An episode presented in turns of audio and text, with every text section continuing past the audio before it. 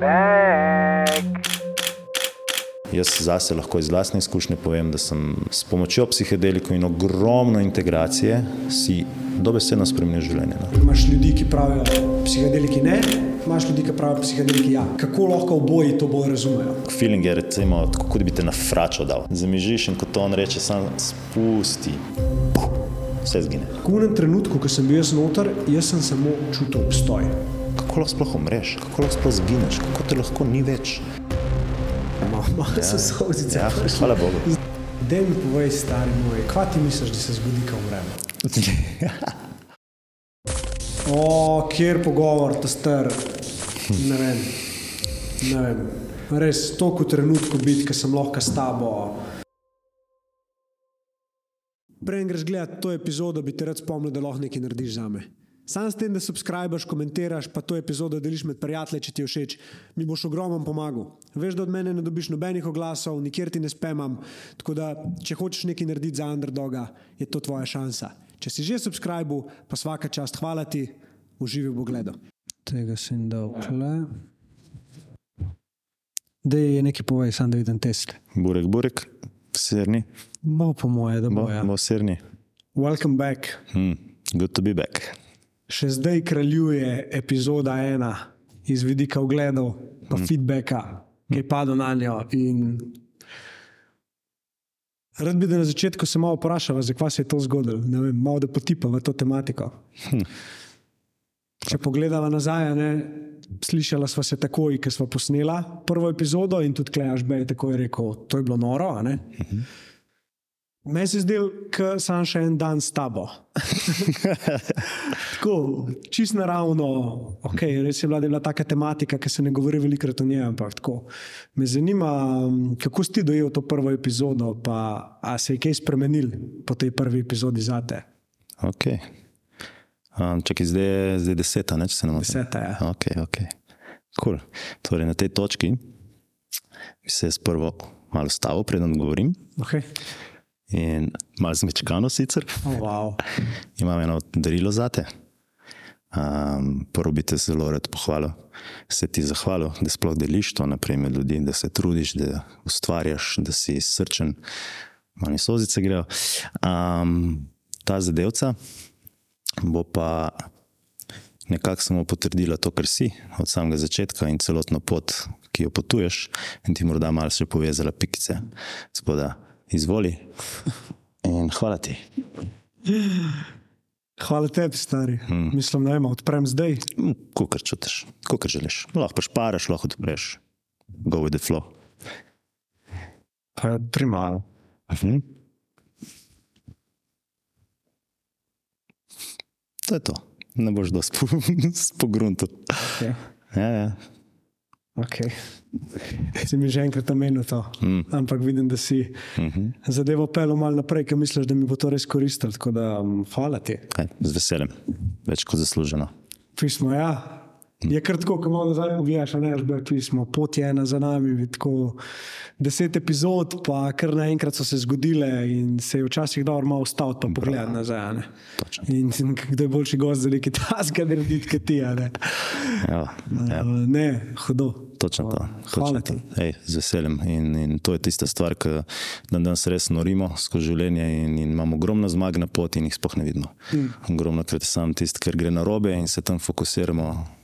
Doskrat se ne ustavimo, ne zdravimo, proslavimo uh, in naredimo en rep, uh, recap, tako kot si rekel. Mm. Tako da še enkrat hvala.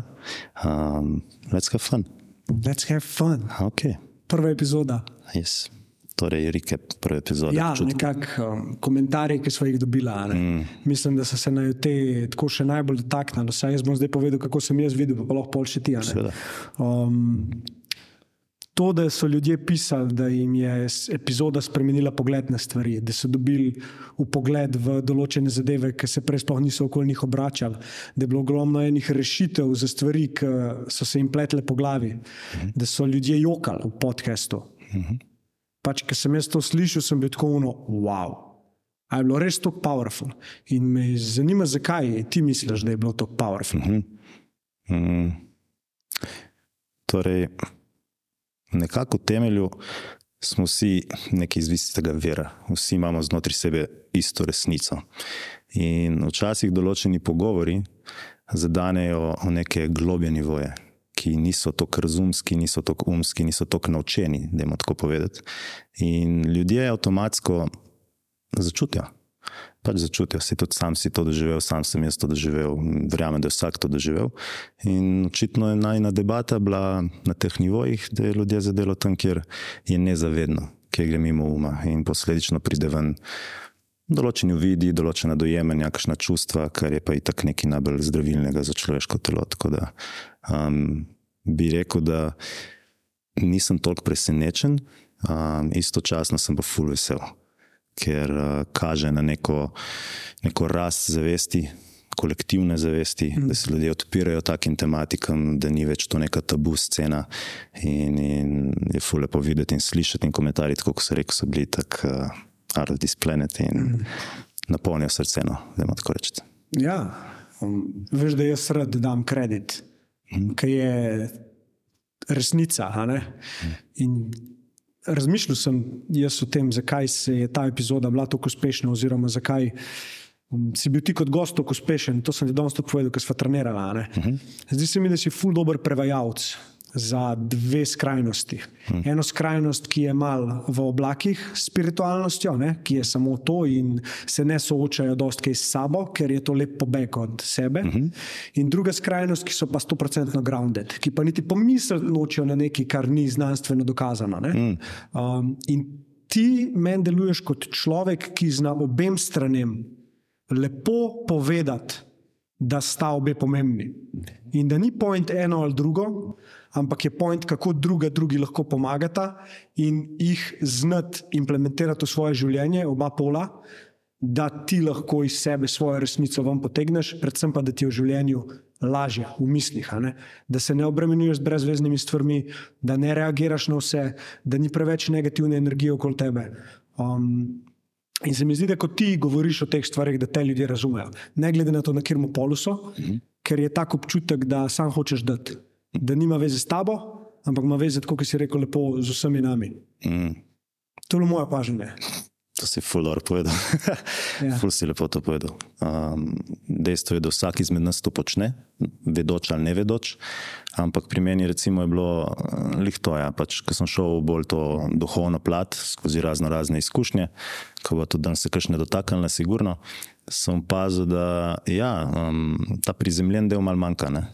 Uh, živimo še vedno tukaj, še vedno smo v materiji, še vedno smo v človeškem telesu in, in, in ne moreš zbežati, ne moreš iti ven iz tega. In vrniti se nazaj v to v polnosti in iti tudi to pot je ful pomembno. Torej, da spoznaš svoj ego, da spoznaš svoje vzorce, da spoznaš, kako je to nastalo, in posledično počasi se osvobajaš tega. Ne? Se to so v prvi epizodi dovolj govorila, ne bom jih ponavljal. Ampak point je, da nekje na neki točki sem dojel, da me ljudje morda celo ne razumejo čist, kar govorim, kar predajam. In tam sem nekako pogledal nazaj vase in dojel to moč besede, ko sem se tudi danes pogovarjala. Mm. Kako je pomembno, da znaš določeno izkušnjo, kar se da preprosto artikulirati, da je lahko vsak razume. Ni važno, bodi si otrok, bodi si 80-letnik ali pa vse vmes. Mm. Nima veze. Ne? Tako da verjamem, da vsak, prehodi na določeno pot in ima dovolj izkušenj in dovolj znanja, mora biti sposoben artikulirati to. Tako da je čist razumljivo, čist simpel. Bodi si v vesolju, v Bogu, ali pa preprosti zadevi, kot vem, telovadba, prehrana, karkoli že vse. Mm. Tako da, ja, ampak ne gre pa brez izkušnje, to je pa dejstvo. Sigurno. Ja. Mm. Um, in kakšna je bila tvoja izkušnja na tej prvi epizodi, če uh -huh. tako mhm. povzameš. Um, kako si jo ti dojel? Uh mhm. -huh. Domače, ful domače, tako preprosto, um, simpel. Um, tudi se ne, ponavadi na dnevni bazi se take stvari pogovarjam skozi ljudi, ki sodelujem ena na ena. In ni bilo dosti drugače um, kar, delil, kar sem delil na epizodi ali pa v teh seansah. Um, tako da ni mi bilo neki full vum. Ključno mi je bilo to, da sem se počutil zelo sproščeno, zelo na easy. In domače, ja, to je to, kako ta beseda je. Ja. Jaz sem bil zelo vesel, ker si me poklical, pa si mi rekel, da je um, zelo lepo stvar si za me naredil. Uh -huh. pač ljudje se obračajo na me zaradi pravih razlogov. Uh -huh. Pa me zanima, kaj se je pri tebi spremenil mogoče od te prve epizode. Ker jaz sem imel nek tak občutek, da si tudi ti to rabo na nek Mhm. način. Um, ker sem ti že prej povedal, po mojem, en let nazaj, pol leta nazaj, stari tebe mora slišati več ljudi.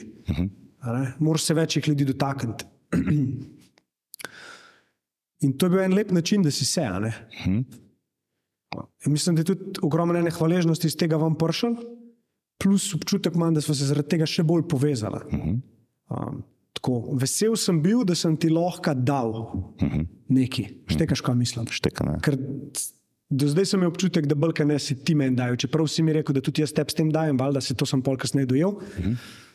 Ampak se mi je zdelo, da je bila tako neka ena taka, no, rekel prelomna točka, ampak ena lepa izkušnja za te, da si mogoče videl, da obstaja tudi ta način izražanja in da s tem ni nič narobe. Oziroma, da če na ta pravi način to narediš, lahko dosežeš ljudi na, na nek Na tak način. način. Ja, se strinjam. Torej, to je zdaj po epizodi. Ne? Jaz sem Ja. ja. mislil na epizodi.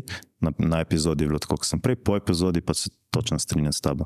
Bilo je tako, um, se veš, jaz sem vedno te socialni mediji, pa to malo tako. To so se tako pogovarjali in ko je za priložnost bila, da lahko govorim dlje, da mi ni treba neki kacine delati pa minuto, uh, provat ujeta. Um, je bilo ful, ful, ful fajn in kle sem res čutil to povezavo med nami tudi, uh, ko so se v nek kanal dala in je sam teklo, uh, po izkušnji itak ogromno hvaležnost, tista večerja, ko smo šli pol mal preslati, bilo top, sem ful zadovoljen.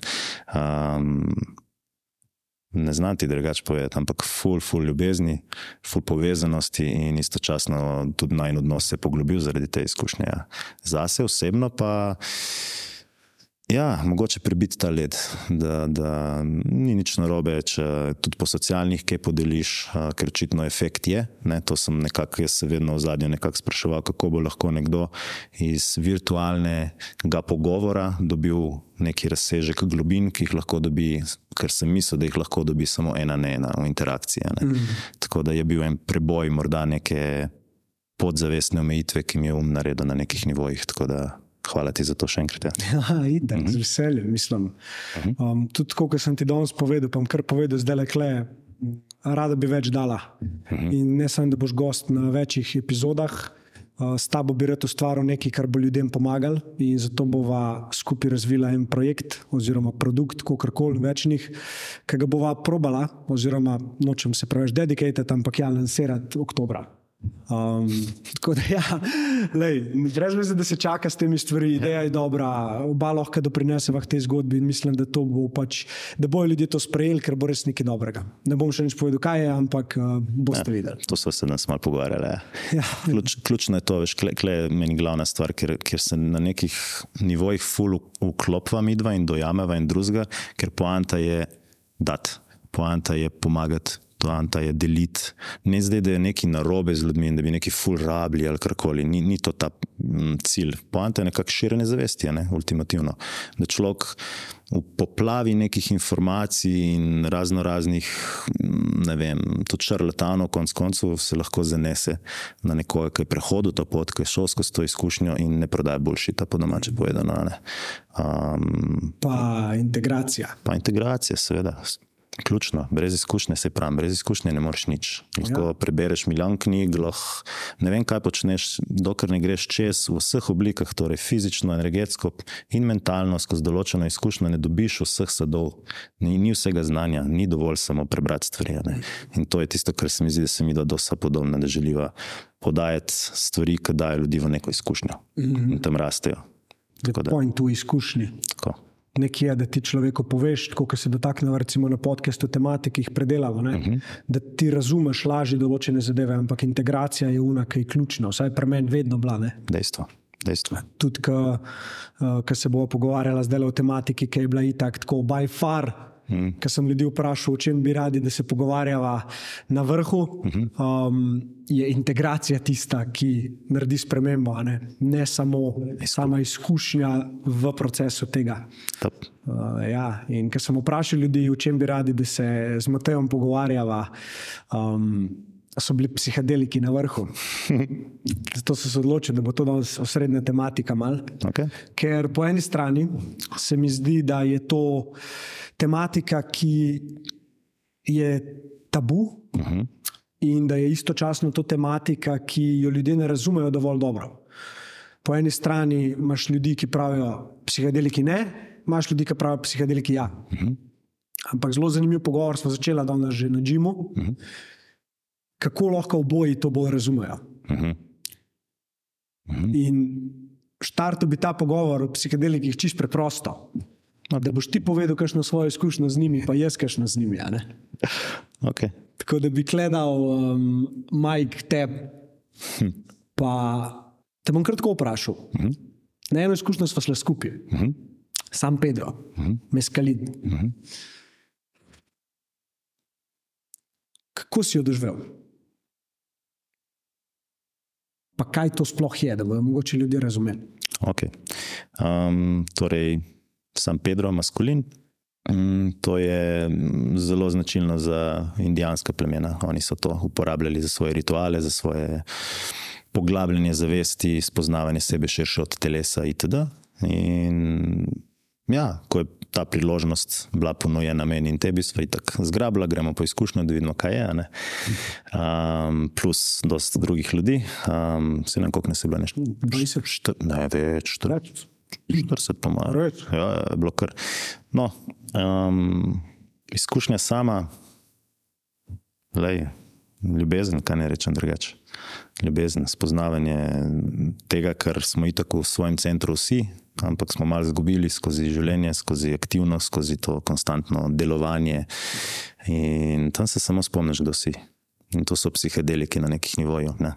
da te pač samo spomnijo, kdo si. Ni zdaj to ne vem, kašna zadeva, lahko je, če pretiravaš, daleč od tega. Ampak uh, ultimativno, lupinico po lupinico.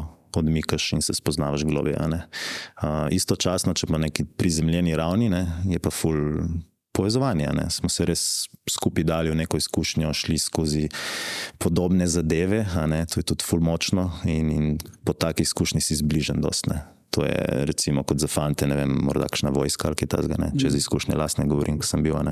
Pač zdaj sem srečen enega kolega iz vojske, pismo po desetih letih, kabrt. Hmm. To ni nič neuno, ej, čudno, ali kar koli, ker tu objameš, kje si sozica, tu in tretje. Ne? In take izkušnje pač nas zbližajo na nekih nivojih, če jih skupaj gremo čez. A pa športne, isto. Tudi, tudi. Pa, če si bil dolgo v eni ekipi, pa tako ne. Tudi. Srečam folk iz Silverhawksov, pač je nekaj najlepšega. Mm. Sploh zdaj, ker sem vse bolj um, umiril sam, pa ono, nimam nobenega pričakovanja, da se ne rabim delati pred nobenim. Mm. Mi je tako še ful bolj pjur, kot pismo, res smo imeli lepe čase skupaj. No. Ja. Ja. Uh, ja. Jaz se spomnim na, na, te, na, na, na tem sešnu, oziroma na tem dogodku, ki smo šli na kaktuse, ne, kako bi temu po domač povedal. Ja. Meni je bilo fascinantno že to, kako je bilo poskrbljeno za nek setting. Ne? Uh -huh. Smo imeli prav šotor indijanski, noter je bil ogenj. Uh -huh. Ta ogenj ni bil samo zato, da gori, ampak so ga oblikovali s palcami uh -huh. v um, neke simbole, uh -huh. usmerjali kam gori, od zgoraj je bila odprtina, da smo videli zvezde. Um, ljudje smo sedeli v krogu, šaman je lepo razlagal, kaj se bo dogajalo z nekim takim čudovitim tonom, povedal zgodbe iz njegovega otroštva, hmm. kako so s, tem, s to medicino oni razrešvali zadeve doma, ne? koliko imajo oni kot neko indijansko pleme potlačenih um, hmm. generacijskih travm, ki so jih američani pač uh, v rezorte trpali in te zadeve vse. Ja. Kaj je to pomenilo tudi za njihovo kulturo, in da to zdaj širijo naprej, zato da se ljudje lahko zdravijo. Ja. Um, In zadeva, ki mi je bila tako najbolj bizarna, je bila, noč vode ne smeš piti, vmes med obredom in to je trajalo 17 ur. Ne? Uh -huh. Nekaj tasga. Sem... Ja, bilo je nekaj tasga. Bilo je nekaj tasga. Ja. In že ta prvi del, ko se je to vse začelo dogajati, je bil meni po eni strani zelo neprijeten, ker nisem vedel, kaj pričakovati. Uh -huh. Veliko stvari na začetku recimo, me je motil, pa so bili tam starši z otroci, ne pa ena z dojenčkom, ki se je joku, pa tam mali, ki so sprašvali, bedarijo vmes, pa to in sem imel konstantno uno. Pa to je, kaj izkušnjo mi boste vzeli, ne? jaz se ne morem sprostiti, uno gor dol tretja. Ne? In takrat se spomnim, jaz bil ti, je bil Nikola, ki mi je rekel, lej, pač sam bod kle, ne obsojati, pač bod z izkušnjo vse bo tako, kot mora biti. Ne? Sem tako, no, ok, v redu. Ne? No, in potem se je začel, in potem smo prvič šli do šamana, po to, pa drugič, pa so vmes igrali glasbo, pa si se malo premikal.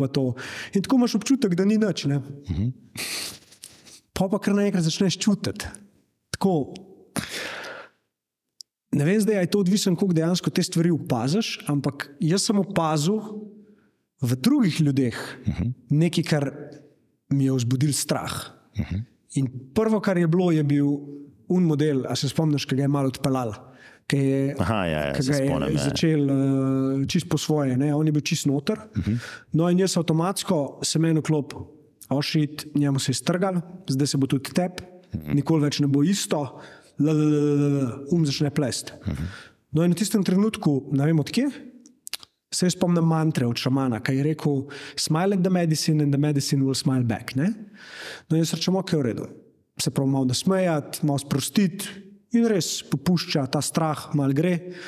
No, in pol si predstavljam njega, da sem to v bistvu jaz. Uh -huh. In sem v glavi svoj poslov sam ljubezen, pa sočutje na drugo stran sobe. Uh -huh. In v tistem trenutku sem se jaz počutil fenomenalno. In začel sem res čutiti pač telo. ne. Zelo se mi je zdelo, da je na taki fizični ravni ta izkušnja. ne. Ja. In dejansko so samo moje misli bile tiste, ki so me vlekle stran iz izkušnje in mi ustvarjale strahove, ki niso bili povezani z unim trenutkom. Tako, to, točno to. Točno to. Ja, in sem mogel iti čez ogromno enega spuščanja, pa vem, se je to samo stopnjevalo. Pol tam je tretji, četrtič, ki sem šel po uno, je pa začel čist. Um, težko je opisati, no? ampak nikoli v lifeu se nisem tako zavedel sebe v telesu in tudi pusto v telesu, da je malo delo po svoje. Spomnim se, da mi je roko začel tresti, pa je pol bolj lažji, pa na hrbet sem se ulegel, pa sem se probil sprostiti in je mi začel noter po črvesju organih začel delati. Pok, pok, pok, pok, pok, da bi se sproščal nekaj. Ne. Jaz sem bil no tako wow. Na koncu je itek sledil en glasen prdec, ampak ni na nekleke. Si spustil. Ja, in pol še na koncu sauna. Uh -huh. Greš noter, uro pa pol, je bil sauna. Ja, eno urco pa pol, sigurno. ja. In glasbila noter poješ, o, o, zahvaljuješ se mati zemlji, greš malo v to, um, svoje prednike greš zdraviti in se ti zgodbe v glavi rišejo. Uh -huh. Ne veš, kje jih vidiš, ampak kar obstajajo. Uh -huh. Uh -huh. In meni je bilo to nekaj neverjetnega, in sem si fulh hvaležen, da sem spet poslušal sebe uh -huh. in si pustil biti del te izkušnje. In ne iti noter z nekimi pričakovanji ali pa obsojanjem, ki so mi ga drugi dajali v glavo. Kaj si si pustil biti?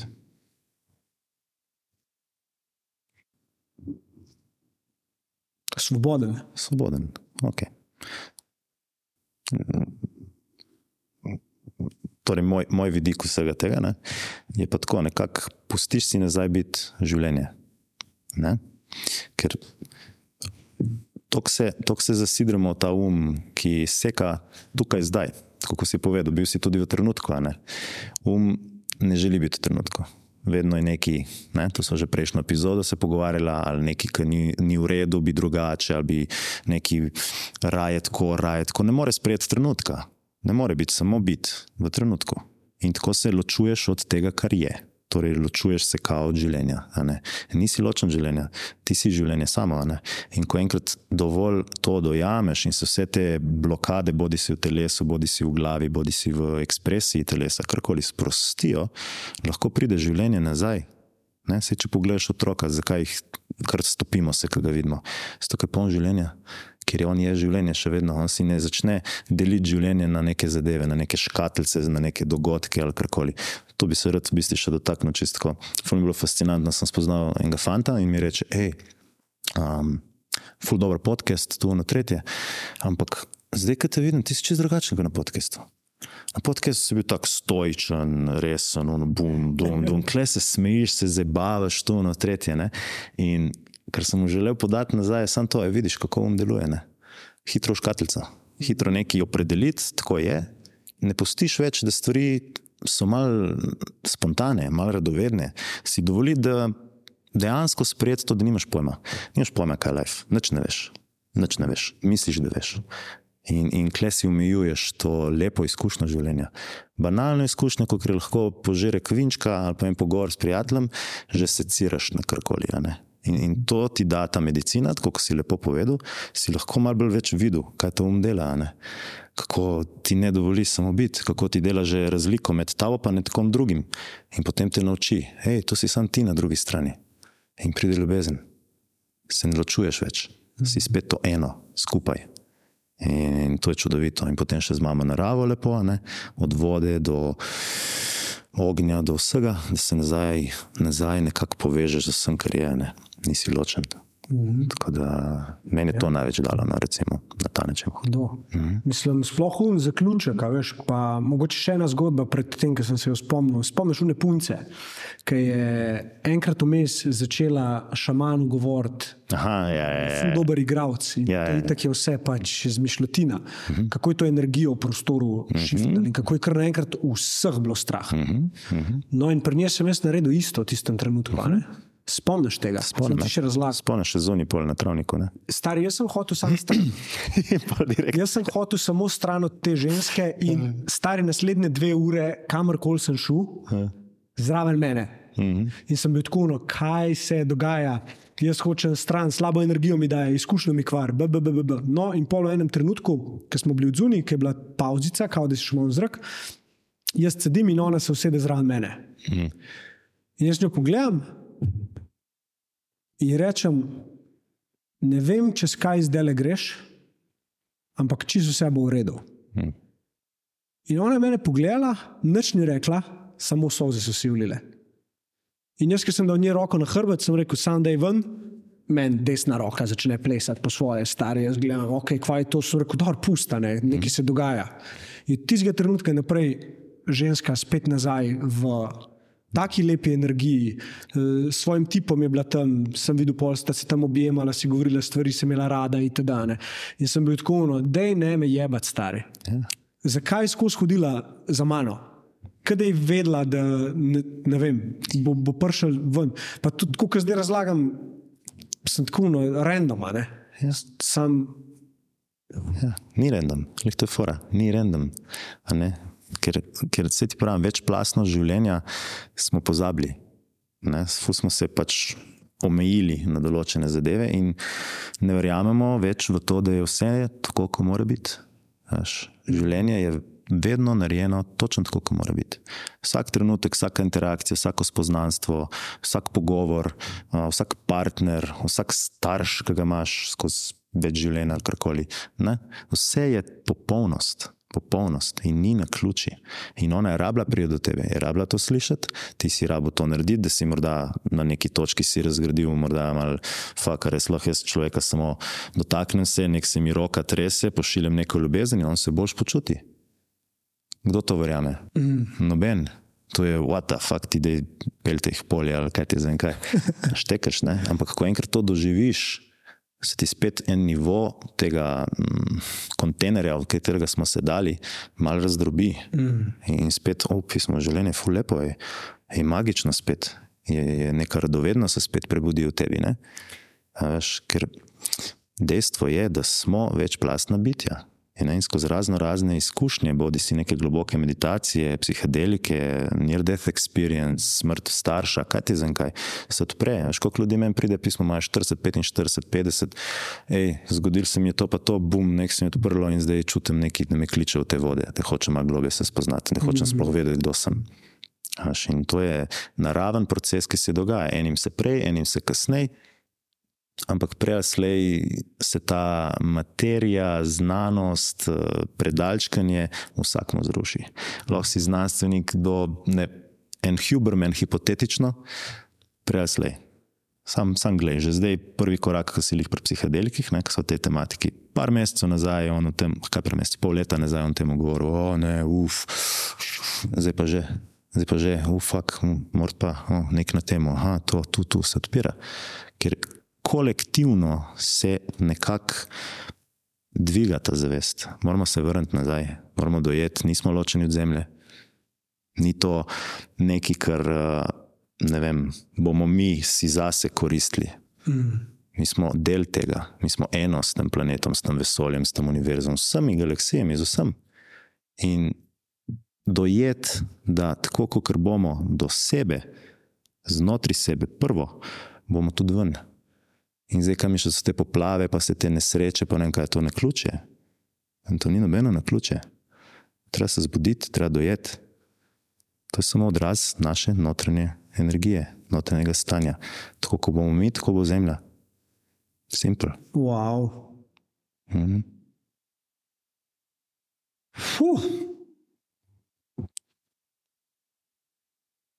To je skoraj tako zdaj le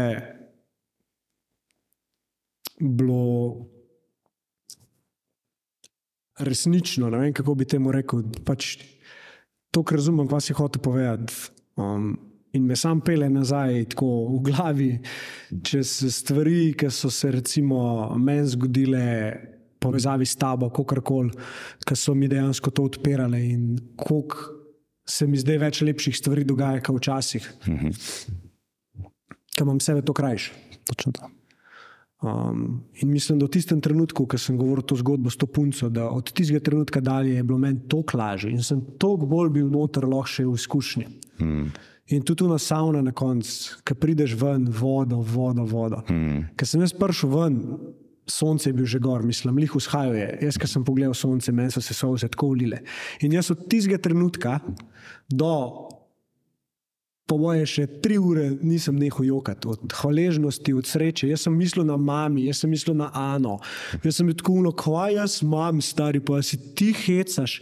Uno, Kakšno ljubezen imam okoli sebe, koliko lahko dam, pa tebe pomislil, pa še, ker sem se dan fura, se spomniš, da je video. Mm -hmm. Jaz sem se jokal celo pot. In fakt up moment, Hmm. Tam, kjer smo bili, ne, je bila neka nesreča na tej glavni cesti in mene je pelal čez brda. Hmm. Škje sem prišel ven? Na pokopališču na Rakitni, kjer sta pokopana moja babica in dedek. Na ključe. in sem tako, sem jaz tako uno, oh, šit. In sem samo stavil, sem šel ven do groba, uh -huh. sem stal nad grobom, naprej joko od sreče in sem tako uno, to delam tudi za vas. Točno to. Ker v izkušnji se mi je pa babi pokazala, ki me je pestvala. Uh. Veš, kaj smo imeli v pesmi v Notaru Tamaskalu, uh -huh. um, ko se je za prednike rešval travmo. Uh -huh. um, za naše prednike sem njo videl, ja, kako me je držala v rokah in kako je bila v tistem trenutku nekako srečna in ponosna. Ja. No, in ja. te, tega sem se spomnil pol tam in sem bil sam tako. Ni bilo žalosti, uh -uh. ni bilo jeze, nes, tega nesprejemanja. Bilo je samo tako, vse je v redu, še kar sta v meni. Če, če sem kles, da vas čestim naprej, da, da rešimo za nazaj, da rešimo za naprej. In to je nekaj, kar je meni dala ta izkušnja. Uh mhm. -huh. To zavedanje ni bilo, da sem jaz zdaj tam šel triperat, pa gledal zvezdice, pa ne vem, kva vse, unikorne, pa to. Uh mhm. -huh. Ne, jaz sem se najdel tam noter. Uno bistvo, uno ljubezen sem začutil in to je z mene vam pohtel pol še 3-4 dni. Ja. Globine sebe si šel spoznati, ja. kot sem na začetku povedal. Dojeti, da energija, duša, kako želiš temu povedati, babice je še vedno nekje, še vedno je v tebi, ker ti si tudi to, si več plasna vsega in je v redu. Veš, ni več tega strahu v zadju, ker ultimativno, ko se rodimo, konc koncev, je kol smrti nek tabu, ne? je nek strah, je neko. Evo ga, dobro dan. Čau ker ne izi. Znaš, bom izkoristil za en požirče.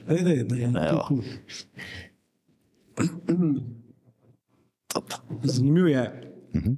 kaj gledaš na te izkušnje. Potem, ko jo imaš veliko drugače, kot preden si šel, ja. ampak v obeh primerih se počutiš, da veš. Uh -huh. Ampak enkrat si dejansko doživel, enkrat pa nisi. In to je to, ko so se prej pogovarjali, imeti izkušnjo, a pa samo misliti, da veš. To je ta razlika. In začne se itak z, z nekim um, umskim sprejemanjem določenih informacij, slišiš, prebereš kakšno knjigo, karkoli. To je pač prva stopnja. Ne? Prva stopnja. Ampak misli si, da, da lahko to z glavo dojameš, pa z mislimi ne gre. Ne? Ni dovolj. Druga stopnja je to. Da prideš v telo, da prideš v energije, da prideš v določene vizije, da čutiš, kako to rezonira, da čutiš, kako ti laže rata. Ne? In posledično potem si pač se nekako na neki točki osvobodil določenih ujetih vzorcev. Ne? Uh -huh. ne, ker da se vrne nazaj, prej smo imeli lep obisk. torej, ne, mi se rodimo in okoli smrti, hipotetično, je ena taka stigma. Ne, in, ne vem, ti odmre prvi dedek, recimo, ali pa babica, ko si otrok.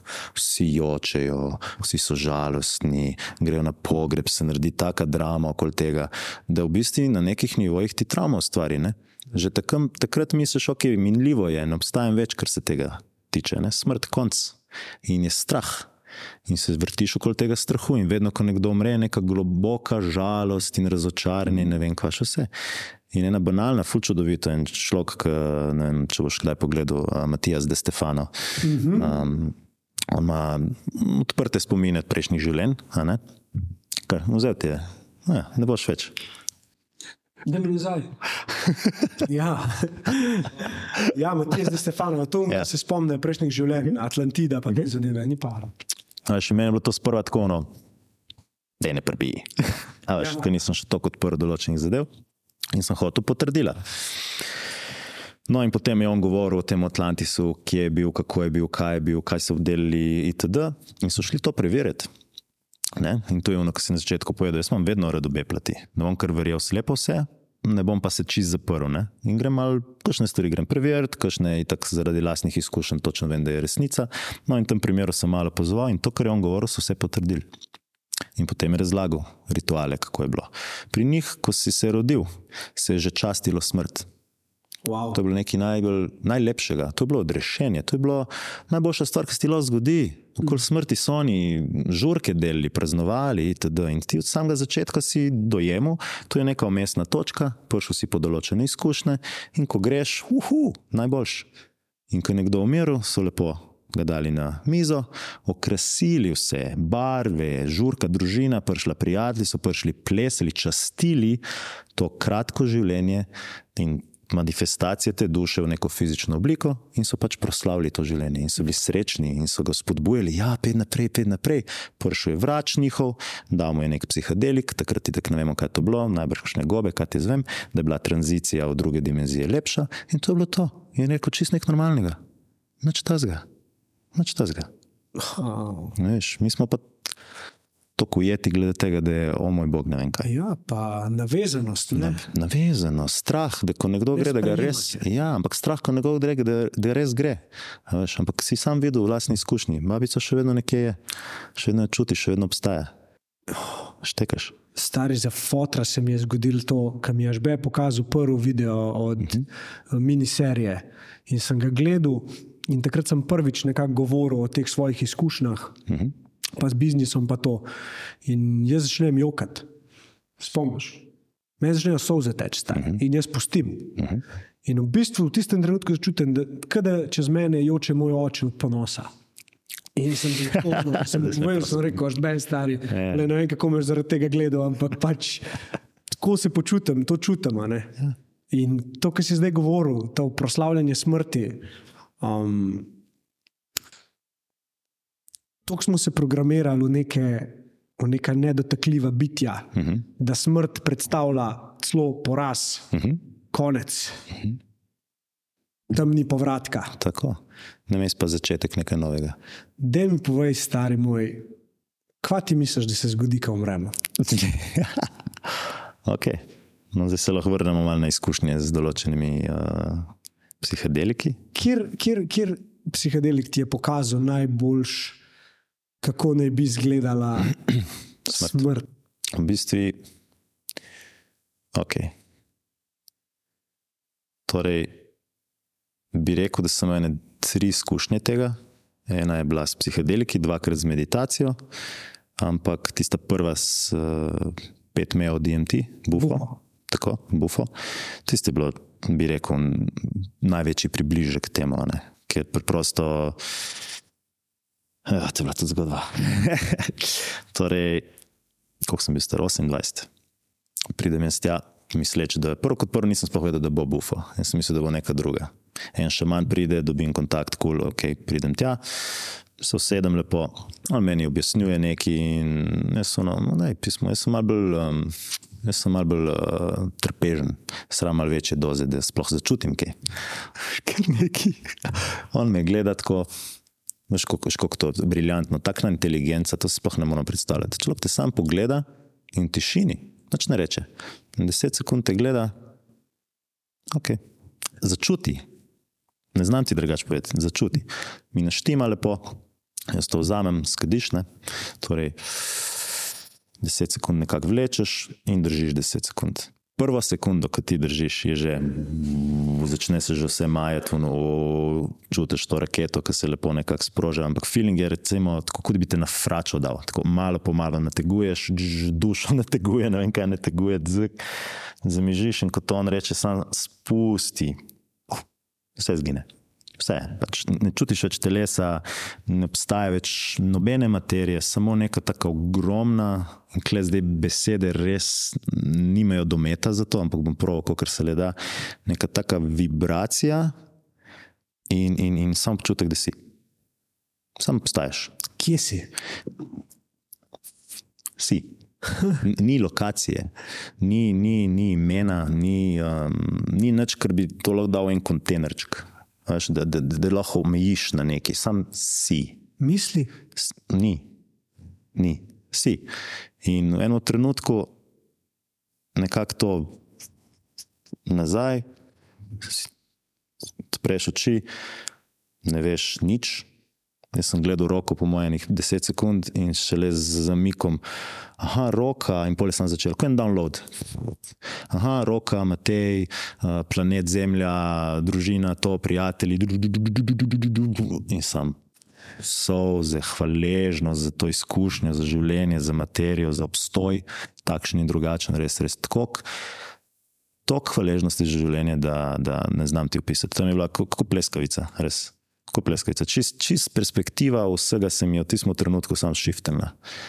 Ne znam ti drugače povedati. To je bilo, ne moreš dati besede, ne moreš opisati. Um, tokrat sem to zgodbo že povedal, da je očitno so zmanjkalo, ampak mm, prej, ko sem to govoril, sem teklo iz mene. Res. Čudovita izkušnja, dojemanje globoko in, in bi rekel, najverjetneje je to izkušnja smrti na nek način. Zato, ker tudi s tem šamana sem se pol pogovarjal, oni tako to širijo med ljudi in tudi uh, družino svojo. ne. In je bil z mamo svojo, ko je umirala. ne. Torej, ona predtem je itak večkrat vzela ta bufo. In ko je umirala, mu je doskrat vmes povedala: isto je, isto je, isto je, isto, isto.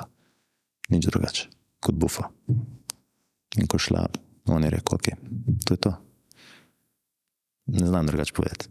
Verjamem pa, da so umestne stopnje do tega.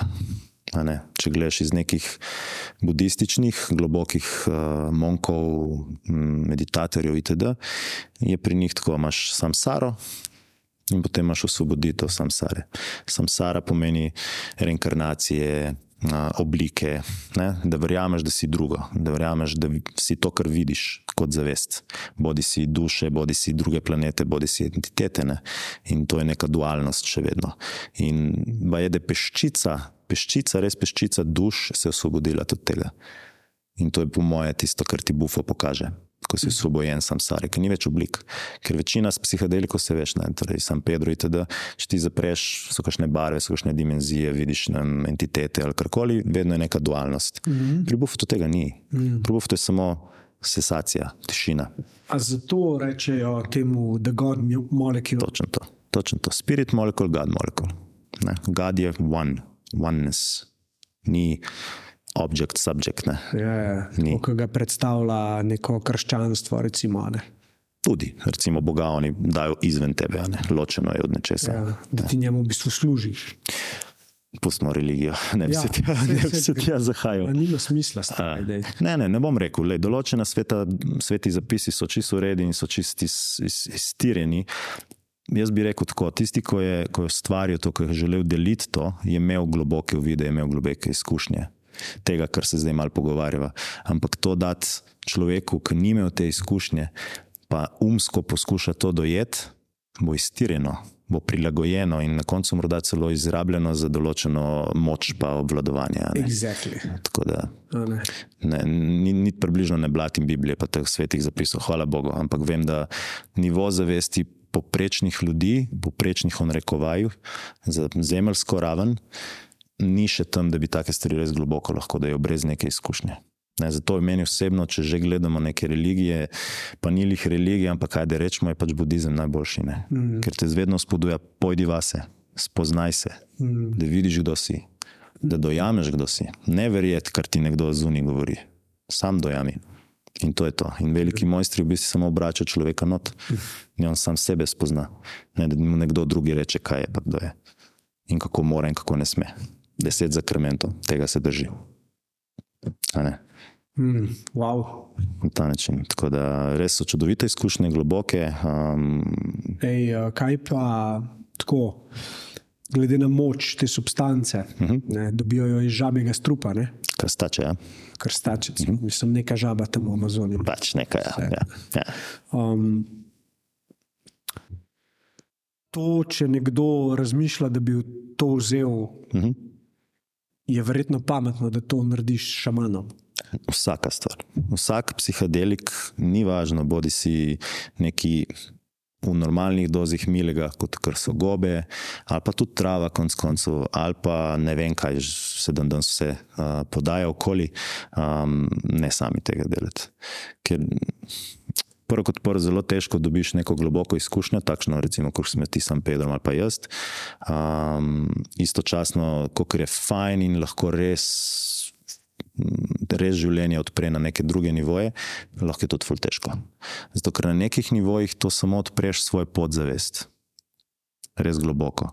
Zdaj, eni so malo bolj prečiščeni, lahko pridejo malo globje v določene zadeve, vizije, drugi so na nekih um, ne vem, nivojih travm še vedno. Ne?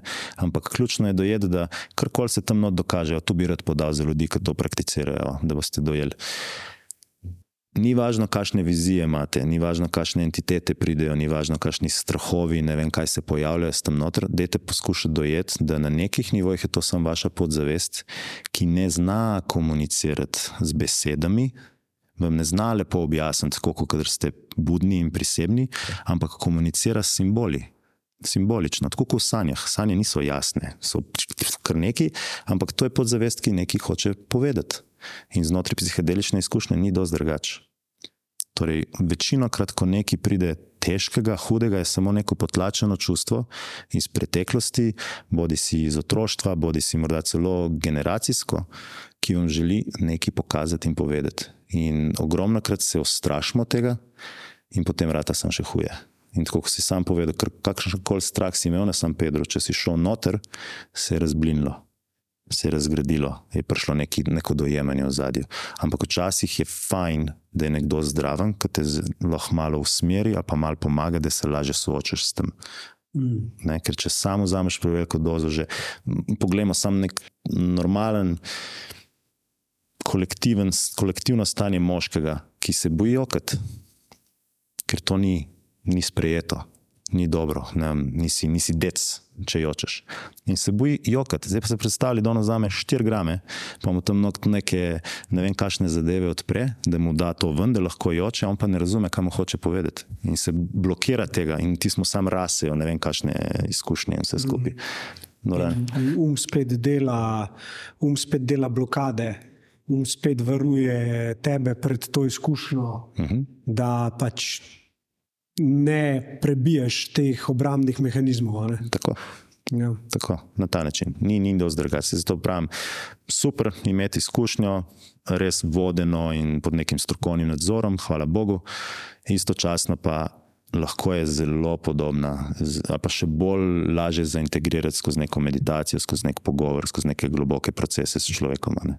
Tako da oboje je možno. Tako kot sem rekel, sem z bufotom doživel tisto, kar sem doživel, in sem tudi dvakrat v meditaciji. Mhm. Totalno razgradnja vsega, kar je, in cesacija vsega, Mhm. sam si. Tako da, Ja. Jaz, recimo, sem uh, z gobami imel dve čist drugačne izkušnje. uh -huh. Ena je bila, kako sem bil star, ne vem, 20, po moje, koliko, še manj, ne 20, ja, ne, uh -huh. malo več. Uh -huh. Tam nek, smo vzeli pač ne vem, kako se je takrat, en gram ali neki. Uh, in to so bile, narava je bila čudovita, barve, smejali smo se, ite da v gor dol tretje. Uh -huh. Ker sem šel pa na voden trip, let pa pol nazaj, nekaj tazga, po moja, pa dve, Uh -huh. je bila pa moja izkušnja čist drugačna, ker me je nekdo čez to pelil uh -huh. in sem res šel se soočati z nekimi zadevami, ki sem jih tam noter videl. Uh -huh. Spet ne videl, neke simbole sem opazil, uh -huh. vem, kača, zemlja, ki se je usuvala na me, lobanje s kronami gor, ki mi mene letijo. Um, Reka, uh, risala se mi narava, gost, Še musko sem imel, te noise cancelling slušalke in me je pelala čez to izkušnjo. Uh -huh. Pol v eni točki strah, Mm. kot da bi se mi en demon prikazal tam, pa mi rekel: Miško, uh -huh. zdaj se pa greva, Uh -huh. zdaj boš pa ti meni pokazal. A res hočeš premagati te stvari, ali boš spet zbežal? No, in v tisti situaciji pač jaz. Prvič sem šel ven, uh -huh. sem rekel, to je, ne vem, kaj se dogaja, ampak jaz imam občutek, da, da nisem prav naredil, spet ta ne se mi je oklopil ta dvoma. Uh -huh. Uh -huh. No, in tistem je človek, ki me je vodil, um, en, ki mu res zaupam svoj life, rekel: Ta dvom, Jure, je ta dvom tvoj. In sem jaz dojel, da v bistvu je to vse bilo sam programiran vame. Od prednikov, ki so me hoteli zaščititi, ki me še zdaj ščitijo v nekih energijah, ki niso tega nikoli sprejela. ne. No, in ko sem jaz rekel, da ta dvom je bil v mene dan, je mene odprl in sem se jokal, kam melžica, stari deset minut po moje skupaj. In potem sem šel nazaj in sem šel še globi noter v izkušnjo lahka. In so se mi začele risati stvari. O underdogu, uh -huh. o tem, kje moram biti, da sem jaz prišel sem zato, da se lahko na novo rodim, da lahko ratam tista oseba, ki mi zdaj v tem trenutku služi, uh -huh. da moram narediti prostor za nekega drugega. Uh -huh. eh, in če to hočem, da se zgodi, mora ena verzija mene umreti. Tako, dvomljiva verzija. In kako umreš? Tako da spustiš. In jaz sem v tistem trenutku spustil. In spet, ko sem prišel ven, hvaležnost in samo glavi, čas je, da rataš fotor, čas je, da rataš vodja, čas je, da rataš odgovoren za svoj biznis. ta, ta, ta, ta, ta. In integracija potem, na točki, kjer sem zdaj, pa pogledam nazaj, jaz sem to tam vse videl. Jaz sem videl, da bom dobil punčko. Uh -huh. Uh -huh. Uh -huh. Ampak jaz sem v tisti situaciji videl samo roza dekco in nek zmazek noter. In meni je bilo strah, a bo kaj narobe, v nogor dol tretje. Ampak ker sem jaz dubov, ki mi je Ana prinesla domov, ki je prišla od ginekologinje, prvo sliko, 3D. Sem jaz rekel, oh, moj fucking god, jaz sem točno to videl. A se spomniš? Ja, ja. Se spomnim se razlagal. jaz mi razlagam. Ja. Ja. Ja, v nulo si vedel. Mhm. In ta izkušnja, ta druga, je meni dala vedeti, da v gobah obstaja ena velika moč, ki lahko pomaga. Kako so tvoje izkušnje s to substanco izgledale, s tem psihadelikom? Okay. Um, Včasih um, tako, sploh nekako ne veš, da si ujet. Ne veš, sploh, zdi se ti, da je vse gud, da je vse v redu. Ne veš, pač ne veš. In pri meni je bilo tako, da imel sem enega cimra, mm, kolega, car, legenda. Um, in on je bil odprt za te zadeve že takrat. In jaz ne vem, kaj je bilo to. Jaz sploh ne spomnim, se, kako je bilo. Jaz sem prišel enkrat domov in sem rekel, stari, jaz bi enkrat prav te gobe, ki mi je on že parkrat to povedal. In on tako, ja, kul, cool, se jih imam prodalo. In jaz sem, ja, dej, ajde. In on da dva grama. vzamem jaz tiste dva grama in mi dva, itak ne veš nič o setem settingu, nič, nič, nič ne veš. Lepo sediva. Um, drugač ne svetujem nobenemu tega. Um, sediva, igra mi dva poker. Poker, poker, jaz sem lačen, jaz sem, da ja, bo to, da to primem. Tako, ja, čak še malo, še en pol urce, igrava, igra pol urce mimo, nič. Ok, ena urca mimo, nič, dve urce mi so bile stari, jaz moram jesti, pismo, ne. Grem jesti in nič, nič mi ni primlo. Torej, moj um je bil tako močen, to sem pol retrospektivno dojel, da sem pojel da je pojel dva grama, da ni, niti malo nisem začutil. Tok sem bil odtujen od svojega telesa in od nekih globih nivojev zavesti, da ni moglo iti čez.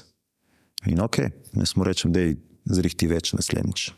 Ok, zrihti on tri grame, ene tri tedne kasneje. In takrat, ne vem, hvala božanstvu samemu, sem ležal na posli, sva ležala na posli, sva skupaj vzela. In dam jaz frence gledamo mi dva frence. Pojemo, gledamo frence. In te da v nek good mood. Veš, smešni so, kul cool so, Joey, tak legenda. Um, in čutim v enem trenutku, tako, wow, nekaj vse mehko ratuje. What the hell. In sem tako zadnji trenutek mi uspet tako na televiziji premakniti in dam na YouTube in neko meditativno musko. Pok. In sam pf, padem not, mi žim in sam tako en tunel lepo odpre, v barve, potujem čez in identična vprašanja, škok neverjetno, identična vprašanja, kot kadar sem bil tri ali štiri leta star, tam nekje vmes. Se prav spomnim, enkrat kot otrok sem mi žal, en tunel sem videl in sem se spraševal, kaj je sploh življenje, kaj je smrt, kako lahko sploh umreš, kako lahko sploh zgineš, kako te lahko ni več. In ta ista vprašanja, ista, ampak to globje dojemanja vsega in mi sam lepo neki kazalo, odpiralo, dum, dum, čutil, lahkotnost, ljubezen, vse. Potem pa, ko eno vink lepo, pa samo mama. Emocije, čustva, joko, po moje, po pa vem, desetih letih, sploh nisem vedel. Joko, prav dobesedno, kot da bi nazaj lahko čutil. Uh. Ne znam ti drugače povedati, ker nisem sploh vedel, da nisem bil zmožen čutiti da sem nekje na poti svoji to zgubil. Bilo je kut, dogajalo se je, imel sem se fajn, ampak nisem čutil. In tam sem nazaj čutil. In je bilo čudovito, in sem joko, in sem dojemal, in sem čutil vse, pum, zavijal brata, isto, zavijal mamo, isto, oziroma očeta. Vse mi je odpiralo, vse take stvari, ki sploh ne veš, da jih imaš v sebi ker je tako potlačeno in tako prikrito in tako z nekimi aktivnostmi, kako si aktiven, da nikoli ne priješ do tega. Tam pa ne moreš, tam te uleže in greš v to. In je bilo čudovito, res težko dam besede, ampak magično. Prijem mal ven. Kolega tudi v svojem procesu se smejiva, se poveževa, si poveva take stvari, ki se niso v lifeu, tako res, res lepo. Um, po se smeji, nam zabavava, tu na 13-6 ur je trajalo. In jaz zaključim to. In meni je samo tako, what the hell just happened? In me to knot potegnilo, da sem začel fulbrati o tem, raziskovati, torej, da dodam še zdaj drugo plat tukaj za malo bolj prizemljeno. Ne. Dan danes je zelo, zelo težko temu reči nek tabu ali pa neka droga, ki te lahko uniči ali pa karkoli v tej smeri, ker je tok znanosti v zadju, tok so naredili John Hopkins, pa priče razno raznih ljudi za depresije, za PTSD, za neko osvobajanje. Ne moramo več to gledati na ta način. Počasi treba spustiti to stigmo iz 60-ih, da je to ne vem kaj, da se ti bo znorelo ali karkoli, še vedno z nekim globokim spoštovanjem do, teh, uh, do te medicine, definitivno, ampak ta strah mora se stopiti. Mm. Ker to je, to je neko orodje, ki je bilo vedno z nami od vedno. Če pogledamo vse generacije, oziroma civilizacije za nazaj, Egipčani, Indijanci, Indici, vsi so imeli, vikingi. vikingi, vsi so te medicine imeli za poglabljanje zavesti. Zdaj, zakaj je to nelegalno bilo za določeno obdobje? Ni tako pomembno, mogoče je bila v zadnji neka politična ne vem, sfera, mogoče, mogoče so ljudje to zelo neodgovorno jemali, pa ogrožali druge, predstavljali si, da to popaš vase, pa greš avtovoz. Ne? Je nevarno, definitivno. Ja. Tako da nima veze, kaj bi bil razlog, ampak z nekim spoštovanjem, da dojemanje, kaj to naredi, verjamem, da lahko v prihodnosti to vrata čist nekaj, čist nekaj dosegljivega vsakemu, ker je zdravilno, ker je zdravi, dejstvo je. Jaz zase lahko iz vlastne izkušnje povem, da sem s pomočjo psihedelikov in ogromno integracije tako kot si rekel, še enkrat ogromno integracije in dela na sebi, in učenja, in meditiranja, vsega, si dobesedno spremeniš življenje. No? Ja. Dobesedno. In tudi, ker sem te jaz vprašal, kako me vidiš drugače zdaj, recimo, kaj misliš, da je meni to prinesel, si mi rekel, spomniš, kaj si mi rekel? Spomni me, ker zdaj bom sigurno kaj drugega rekel. Rekel si mi, rekel si mi meni se zdi, da te je ogromno, ogromno manj strah. Ja. In to je res. Mhm. In to, kar so tudi meni dali psihedeliki, so mi dali priložnost, da sem v nekem varnem okolju zaupal, da to je medicina in da to ni nekaj, kar je prepovedano, tabu, nore gombe, ki govorijo pa to. Ne? In jaz sem mogel že v tisti situaciji, da sem si sploh upal probati. Jaz sem rabo, po mojem, let pa pol, da sem to naredil takrat. Ja. Da, da sem šel na to Izkušnjo. medicino, ne, Ja. izkušnjo. Um, Torej, več Ampak- tebe je? Ja. če tako poveš, več tebe je, ker strah nisi ti. ja, ja. Strah nisi ti. Ne? Ja. Sorry. Ne, ne, strah obstaja v prihodnosti, pa v preteklosti, v trenutku nikoli. Tako, nikoli. Tako. Um, in me je naučil biti v trenutku. Uh -huh. In to je bila tudi moja novoletna zaobljuba. Uh -huh. In tudi, ko sem mikrodosal, vsakeč, ko sem vzel, sem dal nek namen. Uh -huh. Sem rekel, pomagaj mi biti v trenutku. Spomni me, ko odplavam, kje sem. Mm. Um, in tudi na meni je en velik del tega, ne, če ti to vzameš, oziroma da mi povej, kako ti vidiš pomembnost namena, ko uh, greš na seanso s psihedeliki. Recimo. Bi rekel, da morda na začetku um, definitivno je fajn, da imaš nek namen. Um, čez čas pa sem opazil, da, da vedno itak dobiš tisto, kar rabiš. Dejstvo je. Ne, so tudi primeri ljudi, ki smo se pogovarjali, so imeli namen, pa so dobili čist nekaj drugega, pa je bilo to tisto, kar so rabili. Mm. Štekaš, tako da mm, bi rekel na koncu, um, namen je še vedno mičken na začetku, je prav, je prav, da je od tega. Ampak na začetku še zmeraj to malo pogojeno z nekim strahom. Torej, jaz, jaz hočem to dobiti, da sem počutil malo bolj varnega. Ta namen rabim, da, bom, uh, da sem malo bolj. Ne?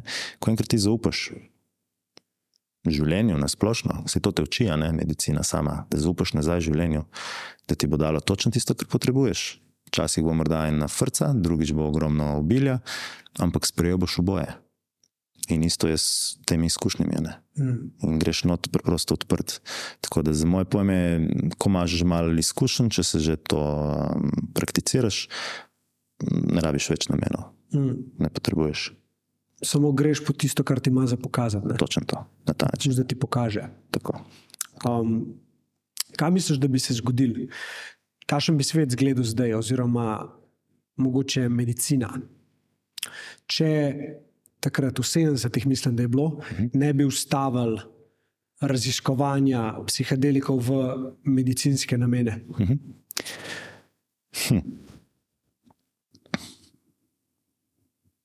Jaz verjamem, da na nekih nivojih je bilo prav, da je bilo tako. Morda nismo kolektivno bili še pripravljeni. Ne. Še vedno treba počasi dojeti, da v zadju deluje neka višja inteligenca, kot je naša, kot je tvoj um. Ne, to, da planet in vesolje, tako kot prejšnjič, je v nekem ravnovesju in, in je res vse popolno, to nismo mi odgovorni za to. Nismo mi tisti, ki umsko ustvarjamo vesolje ali karkoli. Ne. Neka inteligenca v zadju, to, kar tudi si, konc koncev, skrbi za to. In če je eno obdobje, neka renesančna, renesansa um, teh psihedelikov, je bilo očitno takrat dovolj. In bolj se ustavi. In zdaj trenutno smo naslednji. In bomo videli, dokje gre, ker tako, kot si na začetku lepo povedal, jaz sem full zagovornik te medicine, od tega, ampak v prizemljenem smislu. Ne, da ti skačeš tja, pa vsak vikend, morda, ali pa vsak teden, pa bežiš od realnosti, tukaj zdaj, bežiš od odgovornosti življenja, ki si, si ga zbral. Mm. Ne? In, in tam imaš celušno, klepa v bistvu nič kaj tazga, ker je ogromno ljudi to so šli v razne vode in potem pride nazaj in nič drugače, ni nič boljš. Sam znajo pobegati. Sam znajo pobegati, točno to. Tako da je lahko še spet nek mehanizem uma, a najdli smo nekaj drugega, da bežimo od tega, kar smo in da ne sprejmemo odgovornosti za življenje tukaj. Tako da jaz mislim, da je zdaj preprosto nova priložnost, da dojamemo, kaj to je, kako to uporabljati, in istočasno se učiti na novo neke integracije. Ne, tako da iz tega vidika bi rekel, morda le tisto obdobje nismo bili še dovolj zreli. Ne. To, da so pač ljudje to po ulicah ja. jemali, pa skakali okoli, ni bila zavest še dovolj zrela posamezniku, da bi to medicino res, res uporabili za namene, ki so uporabljene bile v prejšnjih civilizacijah. Mm. Ne, tako da bomo videli, kaj bo zdaj. Itak zgodovina se ponavlja. Vsako stvar bomo šli večkrat čez, garant. Pa te dve se res, res lepo povežeta, ne? če gledamo znanost. Uh mhm. Ki na podlagi nekih screeningov, nekih slik možganov itd. Uh -huh. um, lahko dokaže določene vzorce, jih prikaže in jih predvidi. Uh -huh.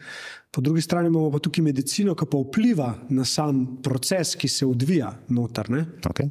Torej, če povežemo mi dva zdaj medicino uh -huh. v smislu psihadelikov uh -huh. in zmožnost merjenja, kaj to povzroča. Uh -huh.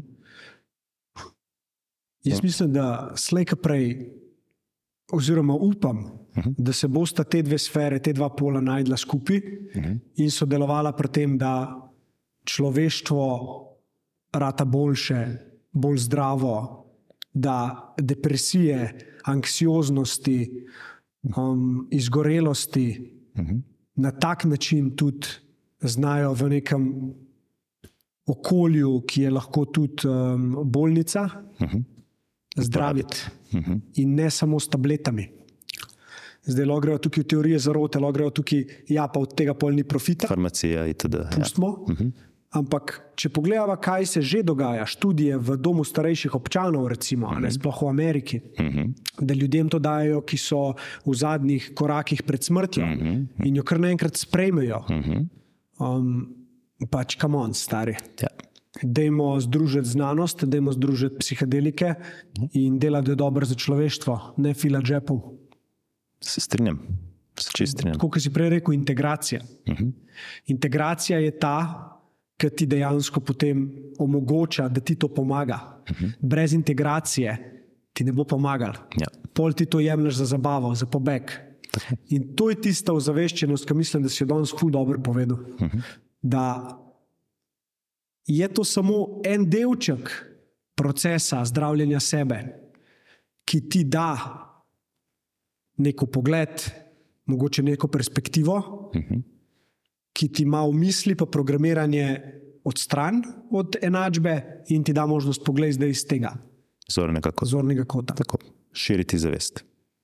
In zdaj, a boš ti to verjel, a boš ti to implementiral, a boš ti te korake naredil, je pa spet odvisen polo tvoje zemeljske izkušnje. Exactly. In to je to. In tako je pri vsaki zadevi, konc koncev.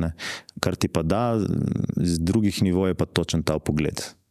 Točno to, kar si zdaj ti povedal, da lahko iz drugega zornega kota stvari vidiš. In če gremo čisto na znanstveno plat, je to, kar ti naredi v bistvu psihedelik v možganih, je praktično identično, kar se otroku konstantno dogaja.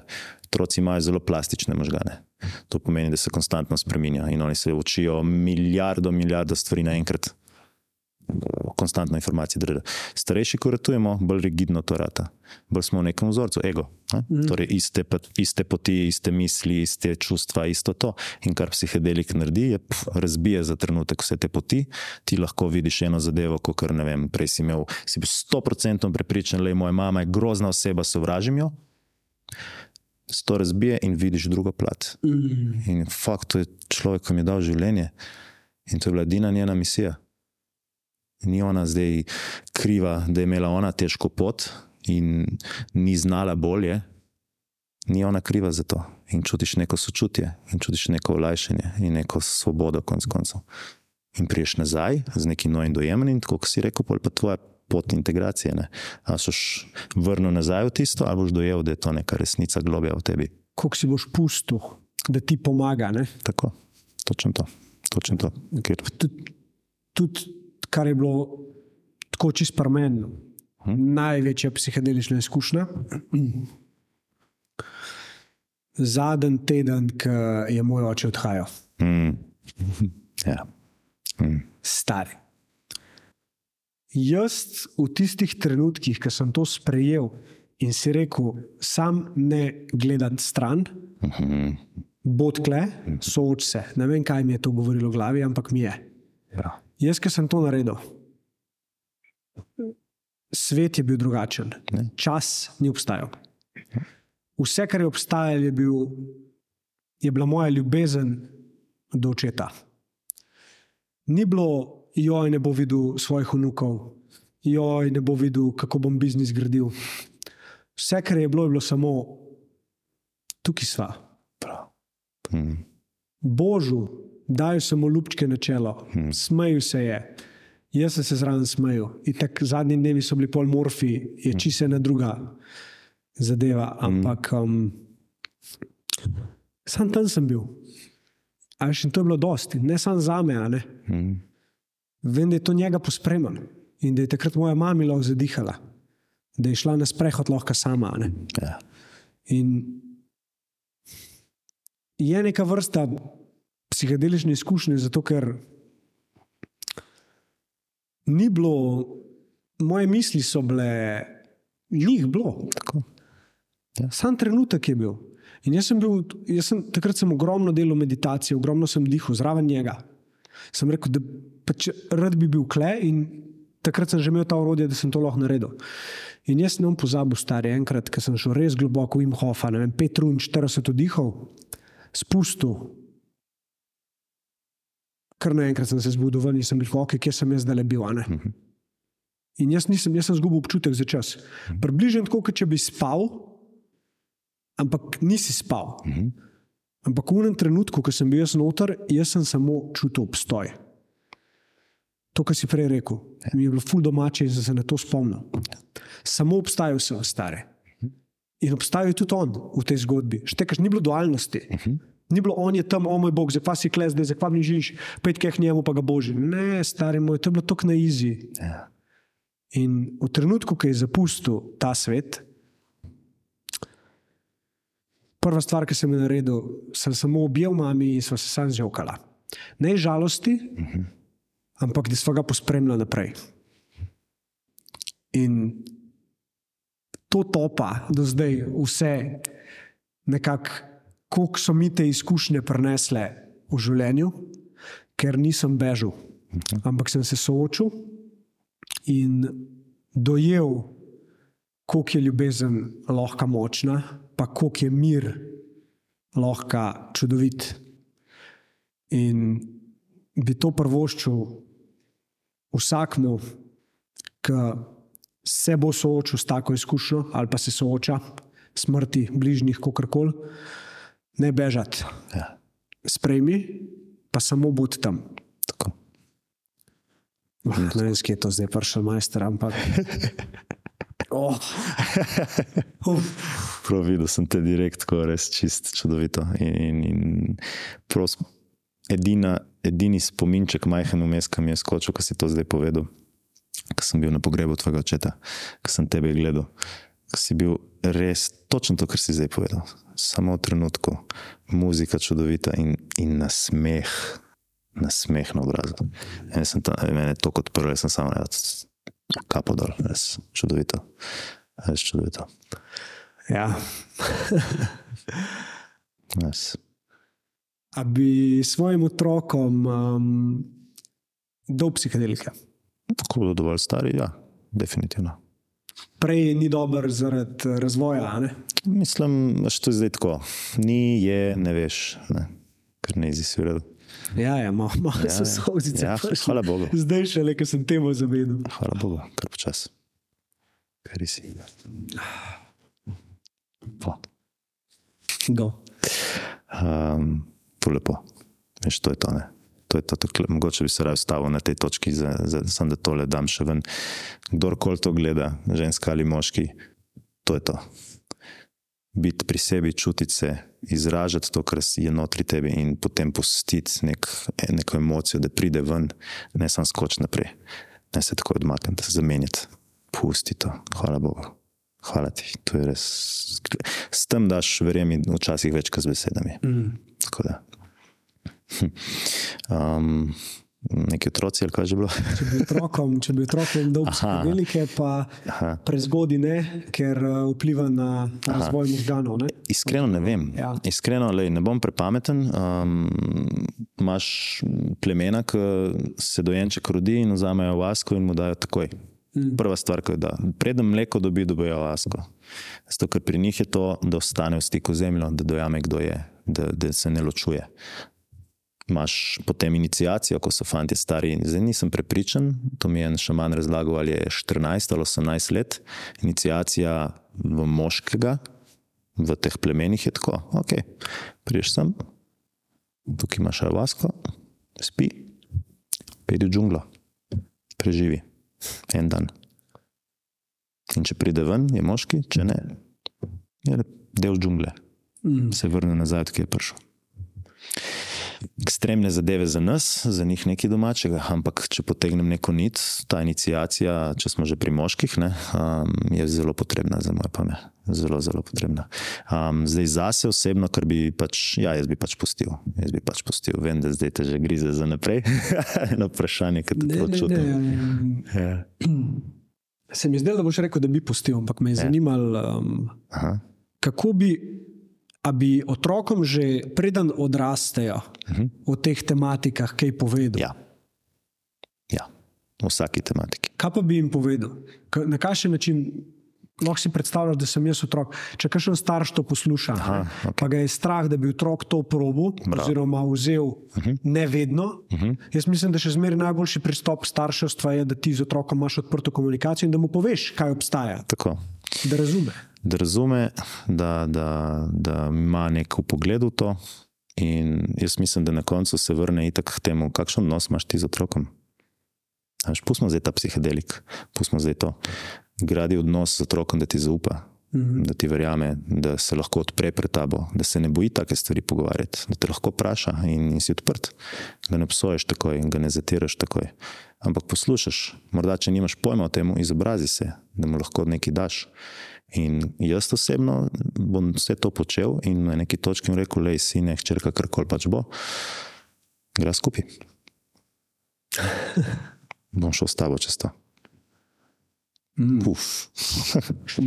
pa mene neki. Hm, zanimivo. Ja, na ta način. To, da mu daš možnost, da razume od človeka, ki ga gleda kot Boga. Tako, kot bi vsak otrok mogel svoje starše gledati. Ne? Oziroma, je lepo, če jih tako vidi. Tako. Ker si na nekih nivojih, ne? se treba zavedati. Otrok, ko pride sem, on je, to, je, to je energija, ki, ki se začne počasi sidrati v nekaj neznanega.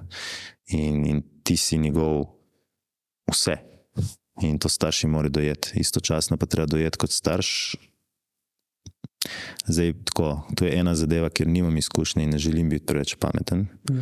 Ampak skozi ljudi, s katerimi sodelujem, in ko smo določene zadeve šli čez, in ko so oni malo to perspektivo obrnili, so se odnosi z otroci ful zboljšali. In ena čist preprosta je ta, ni on prišel sem, da ti njega učiš. Ti mu sam varnost pokažeš, da bo znal preživeti v trdnem, da bo ta energija znala preživeti trdo materijo.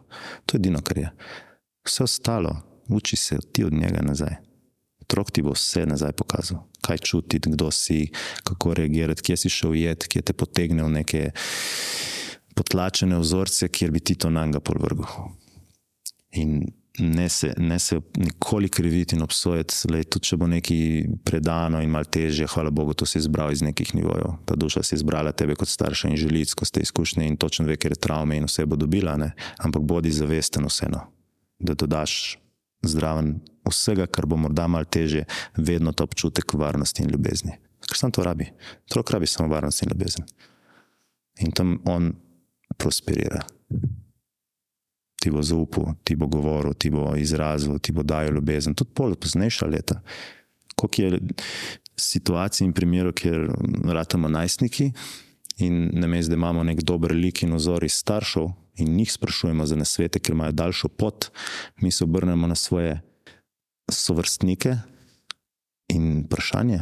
vprašanje. Eni so lahko zahojeni, lahko so v alkoholu, lahko so v tem, in ti boš njih poslušal za nasvete življenja, mm. ne meš svoje starše. In klej ima starš ful veliko odgovornost, da skozi gradi ta odnos z otrokom. Skozi. Mm -hmm. Točen ve, na katerem nivoju morda malo pretirava, neko uičkanje, nekaj preveč, da malo svobode, ampak vedno drži neko vezo, da otrok se lahko počuti varnega, ni važno kdaj. In ko bo prišel trenutek, ko bo rekel, lej, trava, kaj to je, Jaz spet sem vse, gre se malo pogovarjati o tem, kaj te zanima. Aha, to, ja, ne pa, kaj trava, foč, da ga tako začneš napadati, pa vse. On se zapre in pol avtomatsko v zadju, ma je bi se ti vnešal to prot. Mm. Ne vem, če sem odgovoril na vprašanje. Ampak... Ful si dobro odgovoril na vprašanje. Me pa zanima, na kaj si se prej spomnil. Kje? Kaj si rekel, da te je malo. Um... Aha, ne, sem videl, sem dejansko, kako to z otrokom naredil. -hmm. Mi je bilo tako res lepo. Ti si pošiljal eno sporočilo o prihodnosti, ki si že starš. Zdaj si pošiljal sporočilo.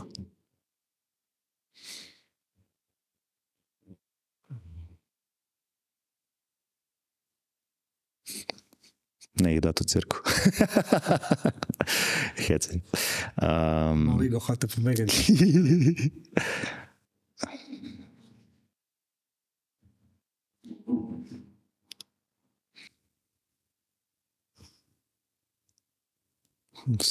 Ne, iskreno, iskreno samo stani, stani igriv. To je to. Ker se mi zdi, da z otrokom, če si v nekem stanju otroka, tudi ti, ni, ni, ni, ni možnosti se ne ustavljale. Ni šans. In vse te težke primere ali karkoli v življenju, jih lahko na igriv način naučiš. Ne rabiš biti strog, ne rabiš ga zatirati, ne rabiš ga preveč uh, omejevati, lahko na igriv način vse to predaš. In te bo fulber slišal in te bo fulber razumel, ker to je njihov jezik. Ljubezen, radovednost, igrivost. In želim maksimalno tega otroka v sebi nazaj prebujati, nazaj prihajati k sebi, ker smo še vedno v teh energijah, vedno. In to je to. Ti si me na enem, ki smo bila pri uh, sinergiji, na enem retritu. Se spomniš, kaj uh -huh. si napisali, kako človeka vidiš z eno besedo? Uh mhm. -huh. Ti si meni napisal otrok. Uh mhm. -huh. ja. Ja. Kaj si videl takrat? Je točno to, kar sem zdaj povedal. Igriv, sproščen, z vsakim si se tam malo pohecku, dal si ljubezen, smejal si se skozi. To je to. to je to. In to si ti, vedno bil. Veš, ko sem jaz hotel, še, še eno stvar sem hotel, mm. se mi zdi zelo pomembna. No? Zdaj si me spomnil, kaj si to govoril. Bad trip. Mm -hmm. Um, ko pride do bed tripa, se pravi, ko si na nekih gobah, ko tudi na travi. Prav, ja. Ja, ja. Pa pride v no, podivjanost misli, pa Top se ti začne dogajati ta strah, in uh mhm. -huh. rataš v krču, in misliš, da boš umrl, in kličeš ja. rešilca. Ja, ja, ja, to sem jaz veliko takih zgodb slišal. Deva se tega dotakniti. Kaj ljudje takrat lahko naredijo? Se strinjam. Um, če je možno, sorry, tako, ampak če imate kaj tasga, karkoli, ki bi bilo res ful praktičnega za ljudi.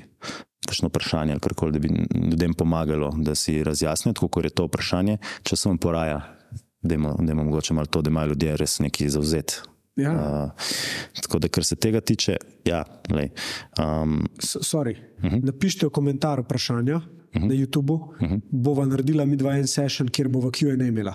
Lahko okay? tudi. Lahko tudi ja. Pa bom jaz tudi na Instagramu pošeril. Tako da, če imate vprašanja na to tematiko, na kjer koli tematiko, ki bi jo lahko Turk uh, ali pa jaz uh, odgovorila, napišite jih, um, pa bova naredila en QA special session za, za ta folk. Good.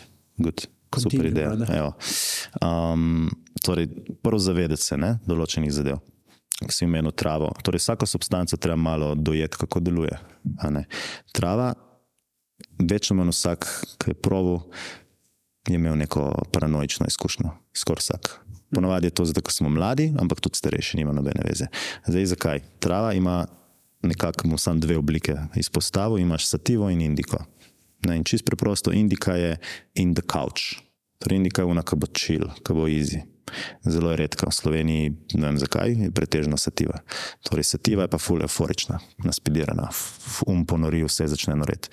In če ti vzameš še v, v oralni obliki, torej da poješ na men kuki ali karkoli, znotraj sistema se sproži še en encim, se doda zdraven in samo travo potencira krat pet.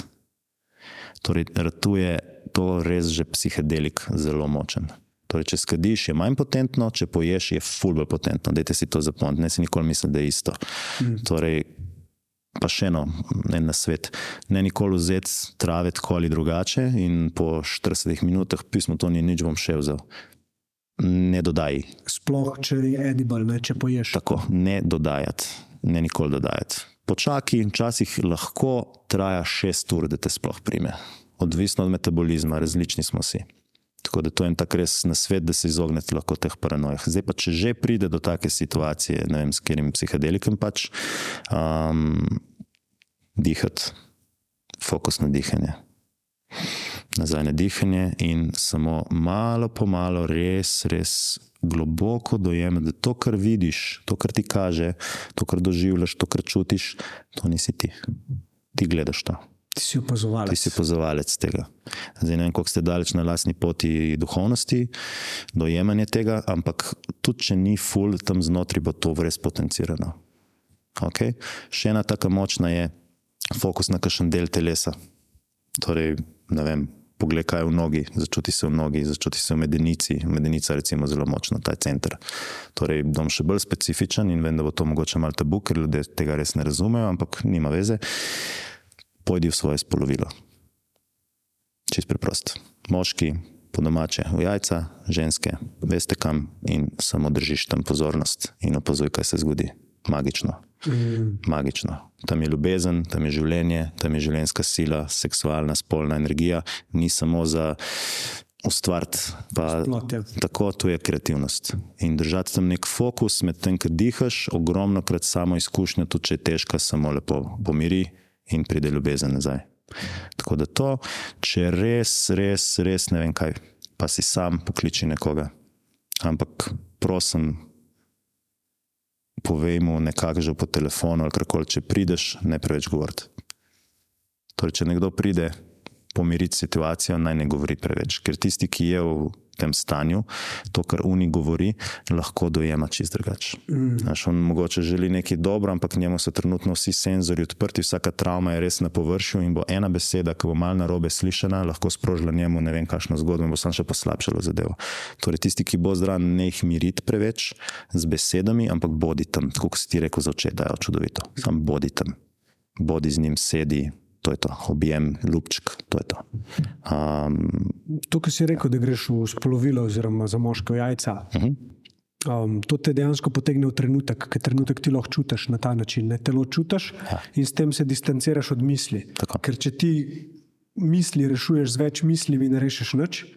In lih to uh, sem prebral, da edini bad trip se zgodi, ko ti tvoj um hoče pobegati od izkušnje. Točno to ali jo hoče pojasniti, ali gre v ošit, kaj sem vzel, umrl bom, prihodnost, preteklost, prihodnost, preteklost. Trenutko, ki si sposoben biti v trenutku, ne more priti do tega. Zdaj to reči je ful lažji. Ja. Ampak je pa en lep tak.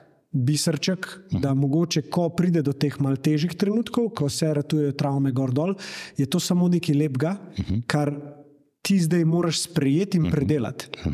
In um, zato je ful dobro eno poslušati stvari, se učiti o teh stvarih, uh -huh. malo bolj razumeti stvari, substance, kako to deluje na telo.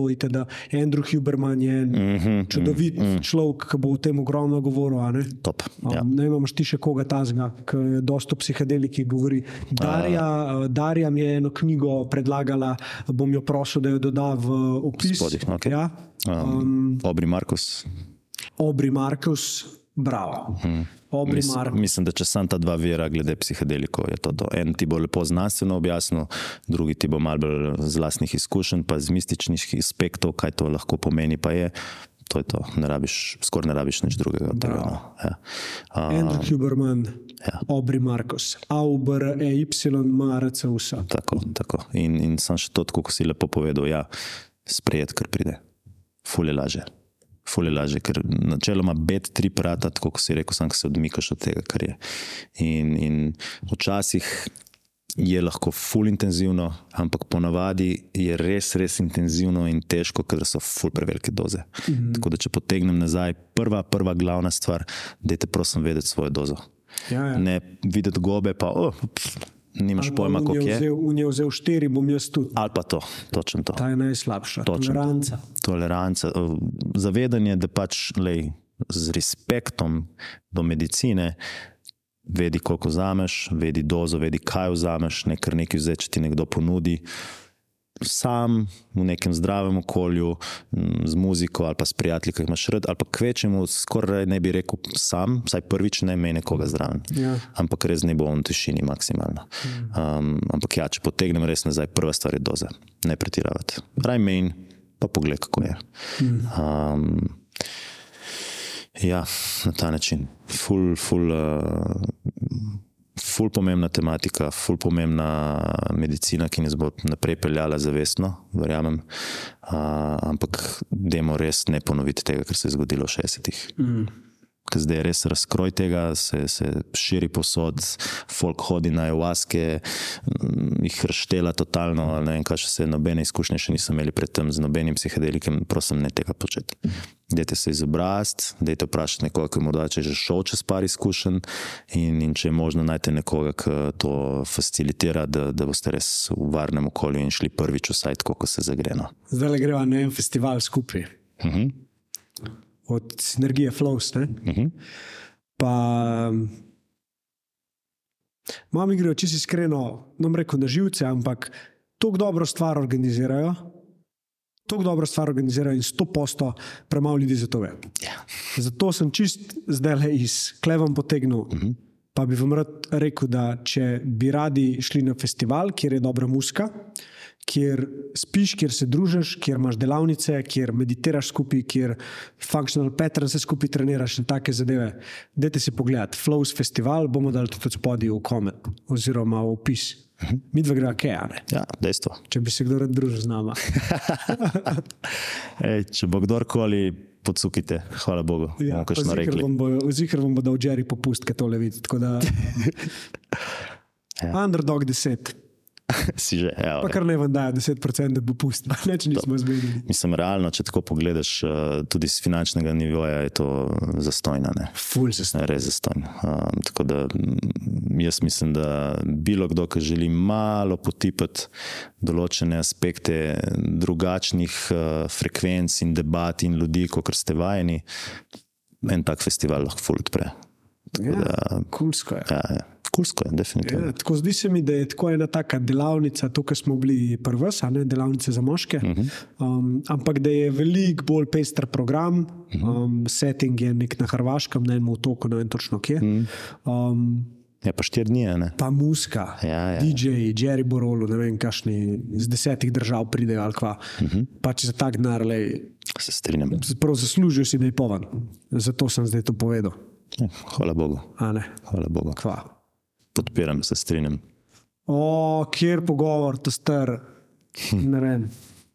Ne vem. Res, toliko trenutku biti, ker sem lahko s tabo, toliko sem hvaležen za to. Res. Da, da, da, jaz ne vem, a sva res rabila podcast, da sva to zdaj odkrila, stari, mislim, zdaj le že prej. Ne. Prav vortex, razumeš, tako klep. Uno.